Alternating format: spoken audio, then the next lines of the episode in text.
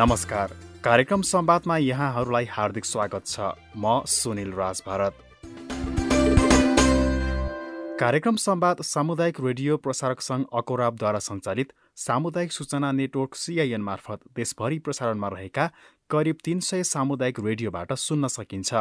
कार्यक्रम संवाद सिआइएन खबर डट कममा पनि इन्टरनेट मार्फत चाहेको बेला विश्वभरि सुन्न सकिन्छ भने मोबाइल एप सिआइएन डाउनलोड गरेर पनि सुन्न सकिन्छ। सामुदायिक सूचना नेटवर्क सिआइएनले उत्पादन गरेको यो कार्यक्रम बालविवाह लगायत हानिकारक परम्परागत अभ्यासहरूको अन्त्यका लागि भइरहेका प्रयासमा केन्द्रित रहनेछ। आजको कार्यक्रममा हामी बालविवाह लगायत हानिकारक परम्परागत अभ्यास अन्त्यका लागि धर्मगुरुहरूको भूमिका र स्थानीय सरकारले यसलाई कसरी लिइरहेका छन् भन्ने विषयमा छलफल गर्दैछौँ। नेपाल सरकारले बालविवाह लगायत हानिकारक परम्परागत अभ्यास अन्त्यका लागि विभिन्न नीति तथा कार्यक्रम सञ्चालन गरिरहेको छ भने स्थानीय सरकारले पनि यसको अन्त्यका लागि पहल गरिरहेका छन्। हामीले पछिल्लो समय स्थानीय सरकारले बालविवाह न्यूनीकरणका लागि विवाह गर्दा ओडाको सिफारिस अनिवार्य गरिएका समाचार सुन्दै आइरहेका छौँ। बर्दियाको मधुवन नगरपालिका वडा नम्बर दुईले पनि विवाहपूर्व अनिवार्य सिफारिस लिनुपर्ने नियम बनाएको छ। बालविवाह न्यूनीकरणको लागि भन्दै ओडाले विवाहपूर्व ओडाको सिफारिस अनिवार्य गरेको हो। विवाहका लागि ओडाबाट सिफारिस लिँदा उनीहरूको वास्तविक जन्म मिति थाहा हुने र बालविवाह न्यूनीकरणमा सहयोग हुने अपेक्षा ओडाले लिएको छ। गत माघदेखि लागू गरिएको यो नीतिले समुदायमा कस्तो प्रभाव परिरहेको छ त? हामीले ओडाध्यक्ष आशाराम चौधरीसँग कुराकानी गरेका छौँ। अब यो जुन हाम्रो अहिले बाल विवाहको होइन विवाह विवाह गर्दाखेरि वाडाबाट सुपारी चाहिन्छ भन्ने कुरोमा। त्यो के हो भने अब बाल विवाह एकदम बढी भयो वा भनौँ अब यो एक त यो त हाम्रो समाज नै उस्तै छ होइन? अनि समाज उस्तै भएको कारणले बाल विवाह चाहिँ बढी हुन लागेको कारणले हामी छलफल गऱ्यौँ जनप्रतिनिधि तथा तथा वर्गहर गरिसकेपछि अब बाल विवाहलाई कसरी न्यूनीकरण गर्न सकिन्छ? त्यो उद्देश्यले चाहिँ वा अब अब बिस वर्ष नपुगेसम्म त अब त्यो एउटा वाडाले ऐन बनाएन भने त उतै उतै विवाह गरिहाल्छन् भन्ने उद्देश्यले चाहिँ वाडाबाट बिस वर्ष अथवा कुनै पनि तपाईँ विवाह गर्दाखेरि वाडाबाट सिफारिस दिनुपर्छ भन्ने उद्देश्यले त्यो चाहिँ गरे हो। र अब वार्ड नम्बर दुईमा जब त्यो त्यो सिस्टम लागू गरिसकेपछि बाल विवाह चाहिँ केही न्यूनीकरण चाहिँ भएको छ। किनभने अब त्यहाँ सबैलाई जानकारी हो कि बिस वर्ष नपुगेसम्म वार्डले सिफारिस दिँदैन र अर्को कुरो बाल विवाह अनि कम उमेरमा विवाह गऱ्यो भने यसरी यसरी हुन्छ भन्ने अनि थुप्रै यस्ता समस्याका कुराहरू जस्तै अब सानो उमेरमा विवाह गरिसकेपछि हामी परिपक्व हुँदैन। परिपक्व नभइसकेपछि विभिन्न कमजोरीहरू भएको कारणले चाहिँ त्यसरी चाहिँ त्यो बाल बाल विवाह न्यूनीकरण होस् भन्ने उद्देश्यले त्यो चाहिँ सिस्टम वाटाले ल्यायो। यो ओडाको सिफारिस अनिवार्य विवाहको लागि चाहिँ ओडाको सिफारिस अनिवार्य गरिसकेपछि स्थानीयको प्रतिक्रिया चाहिँ कस्तो पाउनुभयो यहाँहरूले सुरुमा? हजुर त्यो स्थानीयको प्रतिक्रिया चाहिँ अहिले सकारात्मक नै छ किनभने अब कम उमेर विवाह गर्यो भने जिम्मेवारी थपिन्छ र थुप्रै यस्ता आउने समस्या आउँछ। अनि त्यो चाहिँ तपाईँहरू एकदम राम्रो गर्नुभएको छ भन्ने चाहिँ प्रतिक्रिया आएको छ समाजबाट। हजुर जस्तो ओडाले यो विवाहका लागि ओडाको सिफारिस अनिवार्य गर्दाखेरि भागेर हुने बाल विवाहलाई रोक्न चाहिँ कतिको सकेको छ? अब भागेर यता सुन्नु न भागेर विवाह कम उमेर गरिरहेछन् भने हाम्रो वादा वादा सरकार र त्यहाँ हाम्रो मेलमिलाप पनि हुनुहुन्छ। बाटामा त्यसपछि हामी उहाँहरूलाई गरेर हामी सम्झाइ सम्झाइ होइन उमेर पुगिसक्यो कतिपय हुनसक्छ जस्तै अब कोही नमानेर भागी विवाह चाहिँ गरिहाल्छ ल्याउँछ त्यो नल्याउने कुरा होइन तर त्यसपछि हामी उहाँहरूलाई सम्झाउँछौँ होइन कम उमेरमा विवाह गऱ्यो भने यसरी असर पुग्छ समाजलाई होइन एउटा यसरी असर पुग्दो रहेछ तपाईँहरूलाई यसरी होइन अहिले चाहिँ अहिले यो कम उमेर भनेको त अब शिक्षा पढ्ने उमेर हो। अनि त्यो कम उमेरमा विवाह गरिसकेपछि जिम्मेवारी थपिन्छ जिम्मेवारी थपेपछि पढाइ चाहिँ बिग्रिन्छ भन्ने उसले सम्झाइ हामीले एक दुईजना हामी फिर्ता गराएको छौँ र र त्यसपछि हाम्रो जब यो नियम हामीले लागू गऱ्यौँ त्यसपछि यो नियम लागू गरिसकेपछि मेरो वार्डमा तिन चारवटा विवाद चाहिँ रोकियो।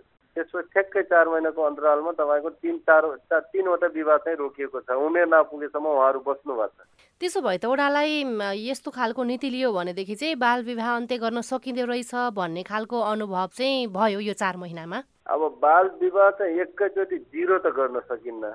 न्यूनीकरण चाहिँ भएको छ। अब यो प्रकृतिको भएको कारणले बाल विवाह चाहिँ अब त्यसरी त भएकै छैन नेमले। तर भागी विवाह चाहिँ अलिकता भएको छ। त्यसलाई हामीले नगरबाट मेलमिलाप अथवा नगरका उपमेयरदेखि लिएर हामी चाहिँ वाडा वाडाको जनप्रतिनिधिदेखि लिएर हामीले उहाँहरूलाई सम्झाइ सम्झाइ गरेर जुन भागी विवाह छ नि कम उमेरमा उहाँहरूलाई चाहिँ हामी सम्झाएका छौँ र उहाँ त्यो चाहिँ सिस्टममा चाहिँ केही आएको छ। हजुर। बाल विवाह न्यूनीकरणका लागि यहाँले अपनाउनु भएको नीतिले गत चार महिनामा चारवटा बाल विवाह रोक्न सफल हुनु चाहिँ एकातिर सकारात्मक हो भने अर्कातिर यो नीतिले नै मात्रै बाल विवाह अन्त्य गर्न सकिन्छ भन्नेमा चाहिँ यहाँहरू कतिको ढुक्क हुनुहुन्छ अथवा यहाँहरूले चाहिँ बाल विवाह अन्त्यका लागि अन्य कार्यक्रमहरू पनि चलाइरहनु भएको छ कि?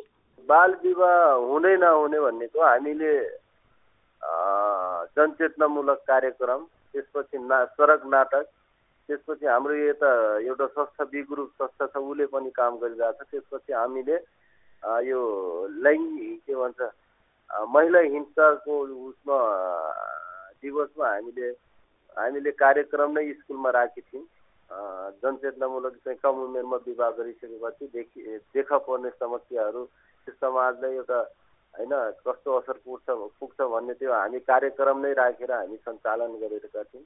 र त्यसमा चाहिँ नगरको सहयोग वाडाको सहयोग र केही त्यो संस्थाको सहयोग थियो। र त्यसमा चाहिँ एकदम सन्देशमूलक चाहिँ जनता कहाँ माझमा त्यो चाहिँ पुगेको छ। हजुर हजुर। यहाँले भने जस्तै बाल विवाह अन्त्यका लागि लामो समयदेखि जनचेतनामूलक कार्यक्रमहरू सरकारले पनि सञ्चालन गरिरहेको छ स्थानीय सरकार पनि लागि परिरहेको छ विभिन्न सङ्घ संस्थाहरू पनि लागि परिरहेका छन्। तर पनि सोचे जति बाल विवाहको न्यूनीकरण हुन सकिरहेको छैन। तपाईँलाई के लाग्छ? यसको पछाडिको कारण चाहिँ के मान्नुहुन्छ? अब यसको बाल विवाह अन्त्य हुनको नकारण हुनको नकारण चाहिँ छ होइन? अब कम उमेरमा उहाँहरूको फिक्स डिसिजन लिने समय हुन्न। त्यसपछि एउटा प्रकृतिक उहाँहरूको जुन हार्मोन हुन्छ अब त्यो होइन त्यो भएको कारणले अब सोच्दै अब कम उमेरमा फिक्स डिसिजन दिन नसकेर चाहिँ त्यो चाहिँ बाल विवाह केही चाहिँ भइराखेको छ। न्यूनीकरण चाहिँ गर होइन न्यूनीकरण चाहिँ अब भनौँ अब बाल विवाह चाहिँ त्यसरी चाहिँ अब एकअर्काप्रति आकर्षण प्रकृति त्यो देन भएको कारणले त्यो चाहिँ अलिकता हामीले कोसिस चाहिँ गरिराखेकै छ नगरपालिका वाडा सरकार त्यसपछि विभिन्न सङ्घ संस्था तर त्यो गरे तापनि अब त्यो रुक्नको अलिकता होइन त्यो प्राकृतिक त त्यो भएको कारणले अलिकता त्यसमा ऊ भइराखेको छ। हजुर यो चार महिनामा यो बाल विवाह रोक्नका लागि जुन यहाँहरूले नीति लिनुभएको थियो विवाह गर्दाखेरि ओडाको सिफारिस अनिवार्य भनेर यसले चाहिँ कतिको फाइदा पुग्ने रहेछ? यसमा दुइटै कुरा छ होइन? अब हामीले त्यो गर त्यो सिस्टम ल्याउँदाखेरि एकपट्टि सकारात्मक होइन सकारात्मक म्यासेज पुगेको छ। अर्को प्रति जुन भागी विवाह गरेको छन् उहाँहरूप्रति उहाँहरू चाहिँ हामीले गर्ने उहाँहरूलाई सम्झाउँदा जाँदा चाहिँ उहाँहरू हामीलाई केही नेगेटिभ चाहिँ उहाँहरू हेर्नुहुन्छ नेगेटिभ भन्नाले कस्तो कस्तो खालको प्रतिक्रिया अब तपाईँ हामी ल्याइसकेपछि तपाईँहरू हामीलाई किन छुट्याइराख्नु भएको छ भन्नेसम्म आउँछ होइन? किन तपाईँहरू हामीलाई त्यस्तो होइन? अब अब हामी त अब मन पराएरै आएको हो। अब मन परायो न हामी त्यो गलत हो भनेपछि त्यो त्यो भनिदिनु पर्यो भन्ने कुरासम्म आउँछ। होइन विभिन्न आरोप अथवा विभिन्न त्यो समस्या चाहिँ त्यो ल्याइसकेपछि त्यो हामीले त्यो उहाँसँग काउन्सिलिङ गर्दा जाँदा थुप्रै यस्तो चाहिँ प्रश्न चिन्हहरू आउँछ। होइन हामीले किन त्यो यस्तो गर्नुहुन्छ त? यस्तो त्यस्तो चाहिँ आउँछ हेर्नु अब यहाँले भने जस्तै यहाँले भोगिरहनु भएको चुनौतीको पनि समाधान गर्दै अब आगामी आर्थिक वर्षमा चाहिँ यहाँको पालिकाले बाल विवाह अन्त्यका लागि चाहिँ कस्तो खालको नीति अवलम्बन गर्ने सोचिरहनु भएको छ? किनभने अब अहिले त नीति निर्माणको चरणमा छौँ हामी बजेटको लागि सोचिरहेका छौँ होइन? बजेट बनाउने बजेट निर्माणको तर्खरमा छौँ। केही सोच्नु भएको छ अथवा यही नीति मात्रै लिँदाखेरि मात्रै पनि बाल विवाह अन्त्य गर्न सक्ने रहेछ भन्ने जस्तो लाग्छ? नगरपालिकाले त्यो बाल विवाहको बारेमा नीति त यताउता के त्यस्तो अझै फिक्स डिसिजन केही छैन।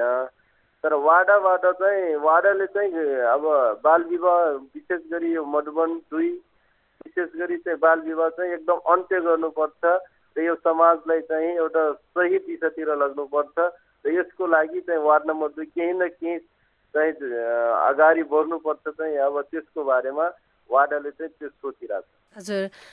यहाँ अन्य पालिकालाई चाहिँ के भन्नुहुन्छ? यहाँले जुन नीति अवलम्बन गर्नुभएको छ यो नीति अवलम्बन गर्दाखेरि चाहिँ राम्रै हुन्छ भन्ने यहाँको भनाइ हो अथवा होइन फरक तरिकाले जान सकिन्छ भन्ने हो? यो चाहिँ अब राम्रै होस् यहाँका होइन? यहाँका सबै राम्रो होस् भनेर नै त्यो नीति तथा कार्यक्रम नीति तथा त्यो यो ल्या हो।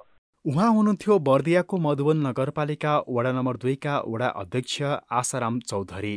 वडाले विवाहपूर्व अनिवार्य सिफारिस लिनुपर्ने नियम लगाएपछिको प्रभावका बारे बताउनु हुँदै तपाईँ अहिले साप्ताहिक रेडियो कार्यक्रम संवाद सुनिरहनु भएको छ। सिआइएनले तयार पारेको यो कार्यक्रम बालविवाह लगायतका हानिकारक परम्परागत अभ्यासहरूको अन्त्यका लागि भइरहेका प्रयासमा केन्द्रित रहेको छ। हानिकारक परम्परागत अभ्यास अन्त्यका लागि नेपालको संविधानले मौलिक हक अन्तर्गत धारा उन्नाइसमा प्रत्येक व्यक्तिलाई शोषण विरुद्धको हक प्रदान गरेको छ। यसै गरी उपधारा दुईले धर्म प्रथा परम्परा संस्कार र प्रचलन वा अन्य कुनै पनि आधारमा कुनै पनि व्यक्तिलाई शोषण गर्न पाइने छैन भनी स्पष्ट रूपमा व्याख्या गरेर हरेक व्यक्तिले हिंसामुक्त जीवनयापन गर्न पाउने अधिकार पनि सुनिश्चित गरेको छ। यद्यपि अझै यस्ता हानिकारक परम्परागत अभ्यास चलन चल्तीमा देखिन्छ। धर्मको आडमा हुने यस्ता कतिपय अभ्यास धर्मग्रन्थमा केही उल्लेख छैन। हामीले पण्डित दिनबन्धु पोखरेलसँग बालविवाह लगायत हानिकारक परम्परागत अभ्यास अन्त्यका लागि धर्मगुरुहरूको भूमिकाका विषयमा कुराकानी गरेका छौँ। विशेष त यो विकृति विसङ्गति जुन एउटा कालखण्डमा एउटा अन्धविश्वास या रूढिवादको रूपमा पछि विकसित हुँदै परम्पराको रूपमा अगाडि बढ्यो। यो धर्मसँग जोड्ने चलन छ यो यो प्रवृत्ति चाहिँ गलत छ। यो धर्मसँग कुनै सरोकारै छैन यो। धर्म भनेको एउटा ब्रह्माण्डीय हुन्छ युनिभर्सल हुन्छ जस्तै बाघले घाँस मासु खानु उसको धर्म हो गाईले घाँस खानु धर्म हो। धर्म चाहिँ एउटा चाहिँ जन्मसिद्ध एउटा स्वभाव आदतका विषयहरू पनि यससँग जोडिएका हुन्छन्। त्यही भएर मनुष्यबाट गरिएका एउटा विकृति विसङ्गतिका आयामहरूलाई लिएर यसलाई धर्मसँग जोड्नु गलत हो। र मुख्यतः यो बाल विवाह जस्ता चाहिँ एउटा एउटा रूढिवादी सोच र एउटा चाहिँ विकृति छ। यसको समूल अन्त्यको लागि चाहिँ हामी जस्ता सामाजिक अभियन्ताहरू या धार्मिक आध्यात्मिक क्षेत्रमा काम गर्ने कार्यकर्ताहरूले यसलाई सघन रूपमा यो विषयको उठान गरिकन यसको समूल अन्त्यको प्रयास गर्नुपर्छ। यसमा कुनै दुविधा छैन। र यसको लागि हामीले काम पनि गरिरहेका छौँ। विभिन्न प्रवचनको माध्यमबाट या अन्य आयामहरूबाट पनि अनि जन जनमानसमा सुसूचित गर्ने जनमानसमा सन्देश प्रवाह गर्ने या जनमानसलाई यो धर्मसँग सम्मत छैन भन्ने हिसाबबाट चाहिँ सन्देश प्रवाह गर्ने इत्यादि काम हामीबाट भइरहेको छ। यो विषयमा यहाँहरू जस्तो एउटा राष्ट्रको चौथो अङ्गको रूपमा रहनुभएको सञ्चार जगतले पनि जनमानस एक खालको जागृति पैदा गरेर यसको अन्त्यका लागि प्रयास गर्नुपर्छ भन्ने मेरो मान्यता छ। त्यसरी यहाँले प्रवचन दिँदै गर्दाखेरि चाहिँ कस्तो खालको प्रतिक्रिया पाउनुहुन्छ यहाँले? अब सुरु सुरुमा अब अलिक पुरातनवादी सोच भएका बुढा पुरानाहरूमा त एउटा मस्तिष्कमा सानैबाट चाहिँ जकडिएको एउटा विचार त्यो उखेलेर फाल्न अलिकति गाह्रो गाह्रो हुन्छ।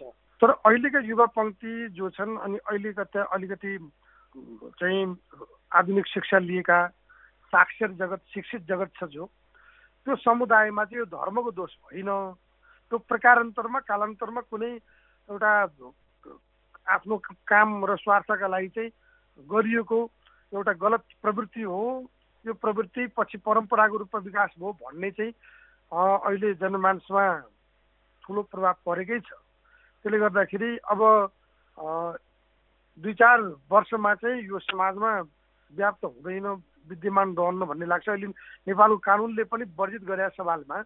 अहिले त छिटपुट त्यस्ता घटना बाहेक अरू बाल विवाहका प्रसङ्गहरू पनि नेपालमा त्यति रहेको मैले पाएको छैन। जुन एक दशक अगाडि पाँच सात दस वर्ष अगाडि थियो त्यो अहिले छैन भन्ने मैले बुझेको छु। त्यसको लागि चाहिँ हामी अलि सघन रूपमै लागेका छौँ भन्ने म जानकारी पनि गर्न चाहन्छु। धर्मले पनि बाल विवाह गर्नु हुँदैन भन्ने कुरा भनेको छ भनेर यहाँहरूले पनि भनिरहनु भएको छ। धर्मगुरु स्वयं आफैले भनिरहनु भएको छ। नेपालको कानुनले पनि बाल विवाह चाहिँ गैर कानुनी हो यो गर्नु हुँदैन यो अपराध हो भनेर दण्डनीय मानेको छ र पनि बाल विवाह जुन अनुपातले अन्त्य हुनुपर्ने हो त्यो चाहिँ अझ पनि हुन सकेको छैन। पछिल्लो समय बालबालिका स्वयं आफै भागेर विवाह गर्ने चलन पनि बढ्दो छ। यसले थप प्रशय दिएको जस्तो देखिन्छ। बाल विवाह पूर्ण रूपमा अन्त्य हुन नसक्नुको पछाडिको कारण चाहिँ कसरी केलाउनुहुन्छ यहाँले? अब यो धर्मशास्त्रकै कुराहरू गर्नुभयो जस्तै कृष्ण रुक्मणीको विवाह चाहिँ प्रेम विवाह हो। उहाँले पच्चिस वर्षमा विवाह गरेको प्रसङ्ग धार्मिक ग्रन्थहरूमा पाइन्छ। अब द्रौपदी अब लक्ष्मणहरूको प्रसङ्ग पनि छ। त्यसै गरिकन शिव पार्वती पार्वतीले त आफै वर चुन्ने काम गर्नुभएको। यी यावत कुराहरू उमेर पुगेपछि वर रोज्ने परम्परा पहिलेदेखि हाम्रो धर्मशास्त्र पुराणहरूमा उल्लेख छ। बाल विवाह कुराहरू उल्लेख भएको पाइन्न। र विशेषतः अब अहिले जुन चाहिँ एउटा यो टिनेजर भने कस्तो हुँदो रहेछ भन्नु भन्नुहुन्छ भनेदेखि विशेष त यो थर्टिनदेखि नाइन्टिन तेह्रदेखि उन्नाइस वर्षको टिनेज भन्छ। अहिले युनिभर्सल यो सबै ग्लोबल्ली यसलाई टिनेजर भनेर चाहिँ मानिन्छ यो वर्षलाई।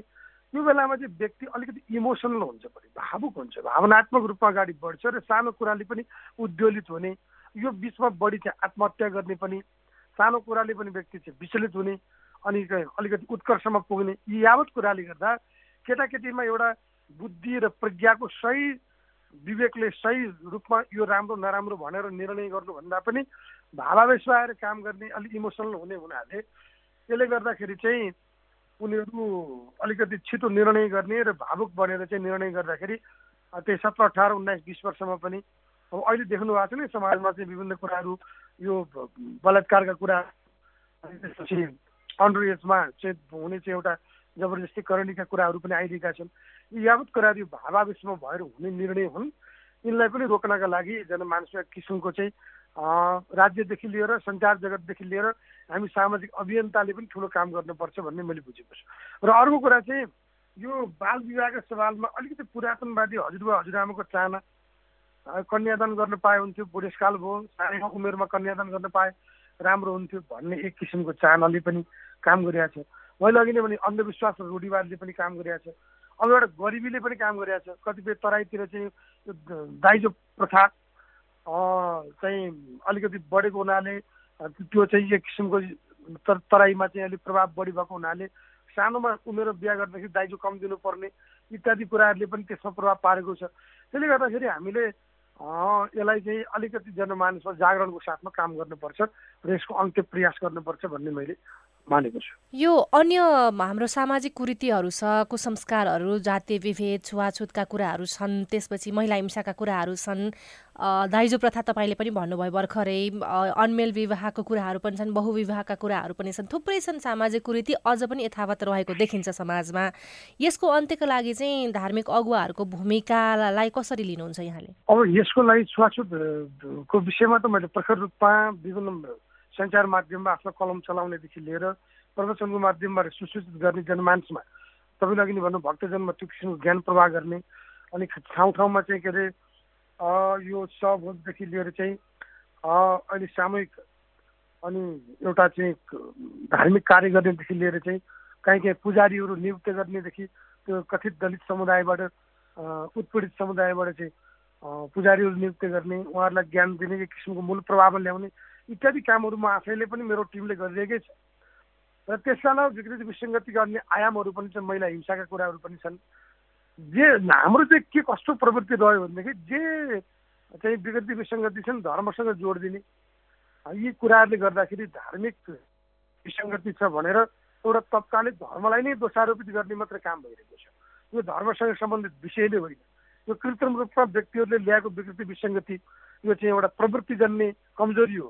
यसलाई प्रवृत्तिजन्य कमजोरीलाई यो प्रवृत्तिजन्य हिसाबबाट नै यसको अन्त्य गर्नुपर्छ। लागेको छौँ। त्यसैले यो धर्मसँग सम्बद्ध अथवा धर्मले बोलेको या धर्मले चाहिँ धर्मले त वास्तवमा सङ्गत शब्दम सम्बोधम सम्भव बनाएपछि जानु ताम भन्छ। सबै समान सबै खुसी सबै आनन्दित। हाम्रो धर्मले भन्ने हो भने त सर्वे भवन्तु सिकिन भन्छ। पृथ्वी पनि शान्ति जल पनि शान्ति अन्तरिक्ष पनि शान्ति वायु पनि शान्ति सूर्य पनि शान्त ग्रह पनि शान्त भनेर कल्पना गर्ने धर्म दर्शनले कहिले पनि यो विभेद गर्ने महिला हिंसा गर्ने या पुरुष र महिलामा विभेद गर्ने भन्ने कुरा छैन। वास्तवमा महिलालाई त हाम्रो दर्शनले त्यत्रो नारीस्तो पूजन्थ्यो रमन्थ्यो तत्र देवता जहाँ जहाँ नारीको सम्मान हुन्छ त्यहाँ देवता रमाउँछन् भने यी यावत कुराहरू छन् त्यसैले धर्मसँग नजोडौँ यसलाई। यसलाई चाहिँ व्यक्तिको प्रवृत्ति जन्ने कमजोरी र यो अन्धविश्वासको रूपमा एउटा प्रथाले गर्यो एउटा जेनेरेसनमा त्यो कुरा चाहिँ हामी गयो अर्को जेनेरेसनले त्यही त्यो कुरालाई अवलम्बन गर्दै त्यो परम्पराको रूपमा विकास गर्ने काम भयो। जबकि त्यो परम्परा होइन त्यो विकृति विसङ्गति हो यसलाई यस्ता कुराहरूलाई बाल विवाह जन्ने अन्य कुराहरू तपाईँले छुवाछुत जस्ता कुराहरू गर्नुभयो यसको लागि अब हामी नै अलिक जागरुक भएर यसको अन्त्य गर्नुपर्छ भन्ने मेरो मान्यता छ। हजुर। नेपाल सरकारले पनि कुरीति विरुद्ध विभिन्न कार्यक्रमहरू तर्जुमा गरिरहेको हुन्छ। यहाँहरू पनि कुरीति विरुद्ध विभिन्न अभियान चलाइरहनु भएको छ। सरकारसँगको सहकार्यलाई चाहिँ कसरी लिनुहुन्छ यहाँहरूले? सरकारले यहाँहरूसँग सहकार्य गर्न खोजेको छ छैन? यहाँहरू चाहनुहुन्छ कि सरकारले हामीसँग केही सहकार्य गरे यस्तो मैले पाउन्न होइन। तर पनि मैले चाहिँ नेपाल सरकारका अलिकति जिम्मेवार निकायका पदाधिकारी प्रमुखहरू त्यसपछि सरकारी निकायको उच्च पदस्थ अधिकारीहरूसँग मेरो भेटमा कानुनलाई अझै प्रभावकारी ढङ्गबाट कार्यान्वयन गराउनुको लागि चाहिँ हामीले अलिकति बढी पहल कदमी गरेकै छौँ। बेला बेलामा उहाँहरूलाई हाम्रो प्रोग्रामहरूमा बोलाएर अनि त्यो धर्मग्रन्थका विषयहरूमा यसको चाहिँ यसले चाहिँ कुनै दोष गरे होइन समाजमा विकृति विसङ्गतिका लागि होइन। यो चाहिँ प्रवृत्ति जन्ने दोष विसङ्गति जन्ने दोष रूढिवाद जन्ने दोष त्यसलाई चाहिँ कानुन अलिक कडा गरेर चाहिँ न्यूनीकरण गर्नका लागि अगाडि बढ्नुपर्छ त्यसका लागि हामीले पनि सहयोग गर्छौँ यहाँलाई भनेर मैले धेरै पटक चाहिँ उच्च पदस्थ अधिकारीहरू सरकारी निकायका विभिन्न विधाका चाहिँ प्रमुखहरूसँग मैले आफैले पनि पहल कदमी गरेको छु। राज्यले वास्तवमा हामी जस्ता सामाजिक अभियन्ताहरू र अन्य विधाका तपाईँले जस्तो सञ्चार जगतका व्यक्तिहरूलाई पनि बोलाएर एउटा फोरम क्रिएट गरेर समाजमा विद्यमान यावत विसङ्गतिहरू छन् त्यसको समूल अन्त्यको प्रयास राज्यले गर्नुपर्ने हो। विडम्बना कुरो भन्नु पर्यो त्यो कामहरू हुन सकेका छैन। तर पनि हामी एउटा सामाजिक दायित्व निर्वाह गर्ने सामाजिक अभियन्ताको हैसियतले हामी सबैले यो कार्यदिशामा समाजलाई या राज्यलाई सहयोग गर्नुपर्छ भन्ने मेरो मान्यता यो सँगै कार्यक्रम संवादको निर्धारित समय सकिन लागेको छ। आजको विषयवस्तु तपाईँलाई कस्तो लाग्यो? बाल विवाह लगायत हानिकारक परम्परागत अभ्यासको अन्त्यका लागि तपाईँको केही अनुभव पो छन् कि? हाम्रो टेलिफोन नम्बर शून्य एक बाहन्न साठी छ चार छमा फोन गरेर दिइएको निर्देशनअनुसार तपाईँ आफ्नो अनुभव तथा सल्लाह सुझाव जिज्ञासा एवं प्रतिक्रिया रेकर्ड गराउन सक्नुहुनेछ। साथै तपाईँले हामीलाई हाम्रो Facebook page community information network सिआइएनमा गएर पनि आफ्ना कुरा लेख्न सक्नुहुनेछ। हामी तपाईँको प्रतिक्रिया पर्खिरहनेछौँ। सिआइएनले तयार पारेको कार्यक्रम संवादबाट प्राविधिक साथी सुभाष पन्तलाई धन्यवाद दिँदै म सुनिल राज भारत पनि बिदा हुन्छु। नमस्कार।